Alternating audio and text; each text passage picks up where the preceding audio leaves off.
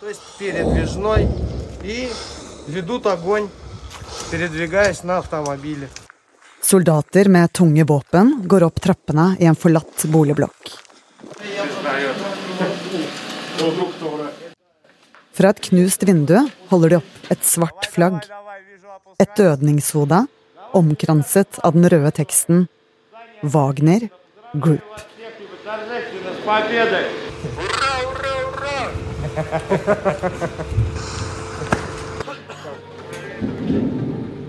Slagene om byene Soledar og Bakhmut er kalt de blodigste i krigen.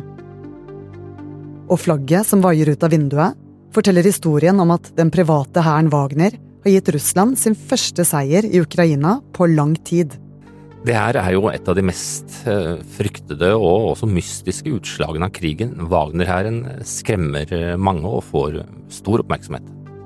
Nå er Wagner-gruppen blitt spydspissen i Putins krig. Men hvem er de egentlig? Jeg heter Synne Søhol, og du hører på Forklart fra Aftenposten. I dag skal vi gå litt tettere på den brutale gruppen sammen med journalist Per Anders Johansen.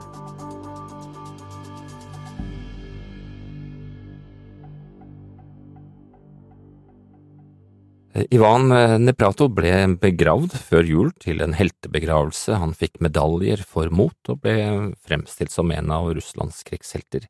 I virkeligheten eh, var han en kriminell. Han var dømt til 25 års fengsel for å ha drept fem mennesker. Han ledet en bande som terroriserte i to år en eh, by utenfor Moskva ved å gjøre innbrudd, eh, rane og helt tatt holde byen i frykt. Men nå er han hedret som helt eh, fordi at han eh, kjempet for Wagner-hæren. Wagner-gruppen er jo en slags ja, privat uh, russisk hær som ble opprettet av Putin og den russiske militæretterretningstjenesten GRU. Vi, vi så først noe til Wagner da da Putin og Russland gikk til angrep på Ukraina i 2014, og siden har de jo dukket opp eh, mange andre steder. Hensikten til eh, GRU, altså den militære etterretningstjenesten Russland, var at de trengte en slags skjult hær som kunne utføre det som faktisk ble sagt offentlig i Russland av eh, GRU-generaler, enn som kunne utføre sånn såkalt delikate oppdrag i utlandet. Hvorfor heter de akkurat Wagner-gruppen, da? Navnet er hentet fra den kjente komponisten Richard Wagner, som også var eh, nazistene og nazistenes og Adolf Hitlers store forbilde. Og eh, en av de første sjefene i, i eh, Wagner, en, en GRU-offiser, han var en så stor fan av Wagner at han rett og slett brukte det som sitt kodenavn når han var ute og kriget. Og i PR-kampanjene som Wagner nå kjører for å rekruttere flere og for å fremme seg selv, så omtales da Wagner-hæren ofte som et orkester, mens soldatene som dreper og, og blir drept, de kalles bare for musikanter.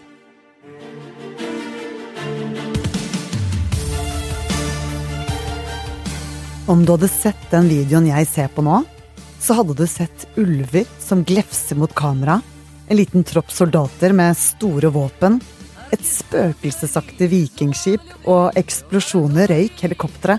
Alt du kan tenke deg av glorete krigssymboler.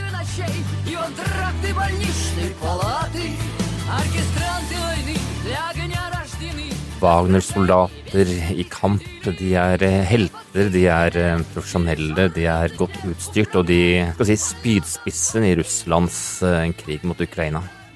Musikkvideoen er bare ett av flere PR-stunts fra den beryktede Wagner-gruppen den siste tiden. For i tillegg til videoer med episk postrock-musikk, så dukker det opp grusomme historier om groteske henrettelser. Og alt dette ser ut til å fungere. For den private hæren har hatt en voldsom vekst. Fra å være rundt 4000-5000 leiesoldater, så består nå gruppen av over 25 000 mann. I utgangspunktet så var det yrkessoldater som ble lokket inn i Wagner. Men i sommer skjedde det noe. Da dukket det opp videoer hvor eh, Wagner-gruppen var ute og rekrutterte, hentet eh, fanger, kriminelle straffedømte, i fengslene. De ble, ble lovet uh, høy lønning og benådning, men i tillegg så ser vi også at mange av dem er rett og slett bare veldig fattige russiske menn som har latt seg lokke av propagandaen og løfter om å kanskje få ti ganger høyere lønn enn det som er vanlig i Russland. Og hva er det disse Wagner-soldatene gjør i Ukraina-krigen? Vi har mange eksempler på at uh, Wagner-soldatene har begått uh, grusomheter. Fra russisk side, fra folk som jobber med menneskeretter i Russland, så er det hevdet at over 40 Wagner-soldater har blitt henrettet av sine egne, fordi Wagner har sin egen sikkerhetsavdeling som sørger for å holde kontroll og, og drive soldatene fremover. Det har vært bilder av tortur, både av fanger i Ukraina, men også av en fange i Syria som de delte bilder av, som rett og slett ble, ble flådd. Det mest kjente er kanskje henrettelsen av en, eh, av en eh, fange, eh, en Wagner-soldat som ble tatt i fange av Ukraina og så levert tilbake. Og da gikk det noen dager, så publiserte en av de Wagner-assosierte telegramkanalene en video hvor denne mannen da blir rett og slett drept med en, en slegge. Og hvorfor dreper de sine egne, egentlig? Det er fordi at uh, Wagner har behov for å holde disiplin, og for å sørge for at de kriminelle og andre er på matta. Og, og, dessuten ønsker de å sende signal om at de rett og slett er villige til å gjøre hva som helst for å drive sine tropper fremover. Og bak disse grufulle handlingene står én sentral person. Mannen som kalles Putins kokk. Frem til nå har lederen for Wagner-hæren vært ganske anonym. Men nå vil han ha makt.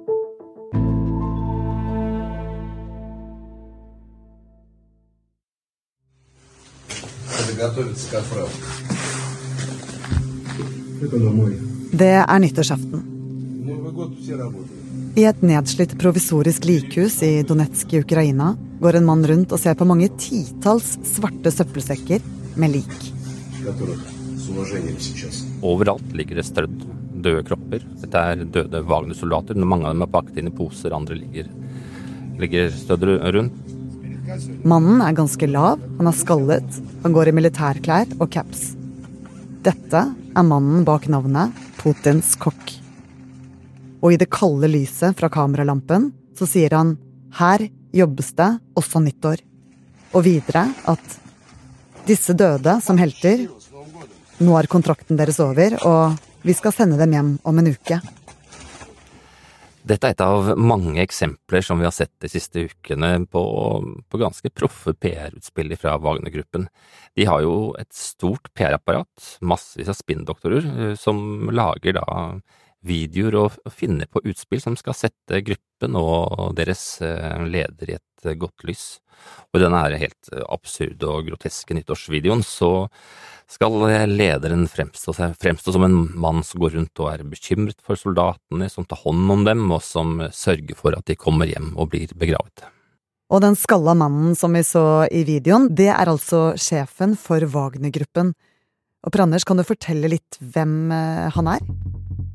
Jevgenij Prigozjin, som ofte har fått merkelappen Putins kokk, er en, en mangemilliardær. Grunnen til at han har fått denne kokkenavnet på seg, som kanskje egentlig er en fornærmelse mot alle gode kokker, er at han eh, ble søkkende rik ved å drive et selskap som het Concord, og de leverte mat, eh, cateringtjenester og andre ting til den russiske hæren. Han var jo faktisk en småbanditt på 80-tallet, han satt i mange år i fengsel. Klarte å karre seg opp og bli en, en, en rik og mektig person i Putins hjemby St. Petersburg. Og det er altså han som egentlig eier Putins private hær? Det Prigozjin selv ofte sier, er at han betaler alt fra egen lomme. Men eh, han har jo også stjålet alt og fått alt han har av penger ifra eh, fra den russiske stat, fra avtaler, skjulte avtaler eh, som han har hatt med eh, maktapparatet rundt eh, rundt Putin. Så, så hvor privat denne hæren egentlig er, det synes jeg man kan stille spørsmål ved. Dette er en, en forlenget del, eh, sanksjonert og planlagt og satt i gang av, av Putin og den russiske militære etterretningstjenesten. Putins kokk har ikke gjort så mye ut av seg før. Men den siste tiden så har milliardæren kommet med flere PR-utspill. I tillegg til de videostuntsene som vi allerede har nevnt, så har han også kritisert den russiske hæren. Og han mener at Russland skal bruke hardere virkemidler i krigen mot Ukraina. Mye av denne kritikken som Wagner-kanalene og Prigozjin kommer med, rammer jo og er med på å undergrave den eh, russiske hær. For eh, stadig vekk så fremhever Wagner seg selv som så mye flinkere og dyktigere enn den regulære, regulære hæren. Og hvis det går dårlig, eh, sånn som det har gjort for Wagner-gruppen ved Bakhmut, så, så skylder de igjen på den russiske hæren. Og det at Prigozjin kan holde på slik, det kan jo tolkes som om Putin faktisk er blitt avhengig av denne, den ekstremisten. Hva er det Putin trenger Wagner for, egentlig? Hvorfor skulle han være avhengig av Prigozjin? Wagner har jo vært et våpen for Putin i eh, hans kriger, i hans skjulte kriger, og eh, i tillegg så har eh, Wagner stilt med soldater. De har gått inn og hentet soldater fra fengselet, noe som ville vært veldig vanskelig å gjøre for den regulære hæren. Og i tillegg så er jo Wagner hele tiden med på å presse den eksisterende hæren fordi at ved å vise de resultatene de får til, så må da den vanlige hæren også skjerpe seg. Det som eh, vi kan lære av, av Wagners eh, helt, nesten daglige støy og propaganda, er jo at i Russland så styres systemet nå av mange små eliter som stadig er i konflikt med hverandre. Og det er flere forskere som mener at Wagners eh, opptreden er et uttrykk for et maktvakuum som er skapt eh, under krigen. Ja, hva kan en sånn maktkamp ha å si for Putin, da? Og for eh, krigen i Ukraina? Det viser jo at dette putinske styringssystemet ikke helt kanskje er rigget for hvordan det er å være i en krig. Eh, for mange av Altså, i et samfunn som Russland, hvor så mye makt er samlet i én person Vi vet jo faktisk ikke hva som er hensikten med krigen, for det er det jo faktisk bare Putin som nå vet. Så må alle de ulike gruppene og elitene rundt han hele tiden gå rundt og prøve å forestille seg hva er det Putin liker, hva er det han passer på. Noen ganger han, griper han inn, og denne konflikten her ruller og går. Og det blir interessant å se hvor den, hvor den ender. Og samtidig som Wagner-sjefen prøver å fremstille gruppen som bedre enn den russiske hæren, og prøver å få mer makt, så øker skepsisen til Wagner-gruppen hjemme i Russland. Blant russere flest så er jeg ganske overbevist om at eh, mange ser med både litt skrekk og avsky og frykt på det som utspiller seg, når de hører eh, Wagner-sjefen snakke.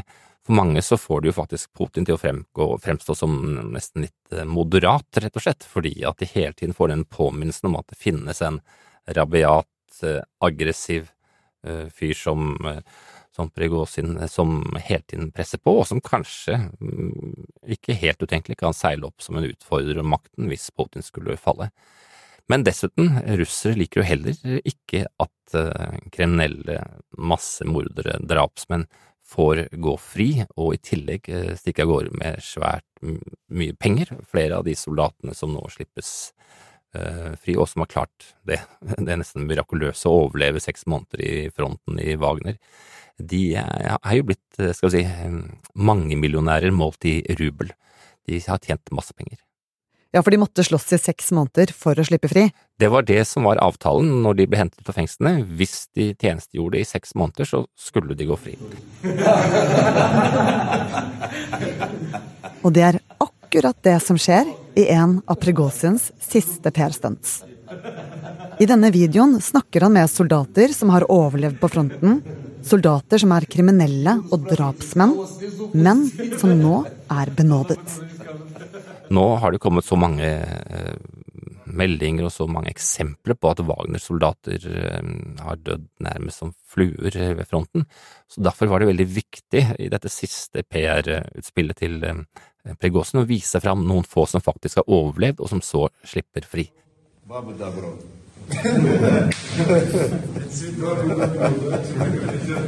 За время контракта у вас вот как-то в сознании что-то поменялось? Det mange russere er bekymret for, er jo at eh, en rekke straffedømte kriminelle, massemordere, nå slipper eh, fri. Eh, flere av de som eh, skrev under kontrakt, hadde mange år igjen. Og etter seks måneder nå i krig, hvor de kanskje har blitt enda flinkere til å drepe, så er de også rikere enn noen gang. Fra fengselsdommer til rikdom, heder og ære. Så lenge du overlever, da. Og gjør du ikke det, så venter likevel heltestatus. Som Ivan Nepratov, mannen som drepte fem personer og terroriserte en hel by. Og som likevel etter sin død ble hedret med medalje av Putin. Skulle ikke grave lenge før vi fant mange ganske skrekkslagne reaksjoner fra innbyggerne. De, de reagerte bokstavelig talt med sjokk over at en fyr som det skulle bli en helt, og, og mange av dem, noen av dem skrev også at eh, ja, han her ble iallfall drept, men hva med alle de andre som eh, kan komme tilbake i krigen? Nå har de jo fått et oppfriskningskurs i å drepe, var det en som sa. Og dette samme ser vi i veldig mange andre byer. Dette er det mange russere som ikke liker.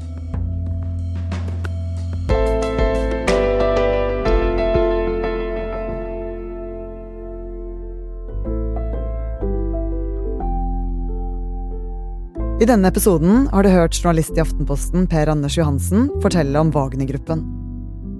Lyden du hørte, er fra nyhetsbyrået AP, fra Riafan, som er et nyhetsbyrå som Pregozin kontrollerer, og Wagner sin YouTube-kanal. Denne episoden er laget av David Vekoni og meg, Synne Søhol.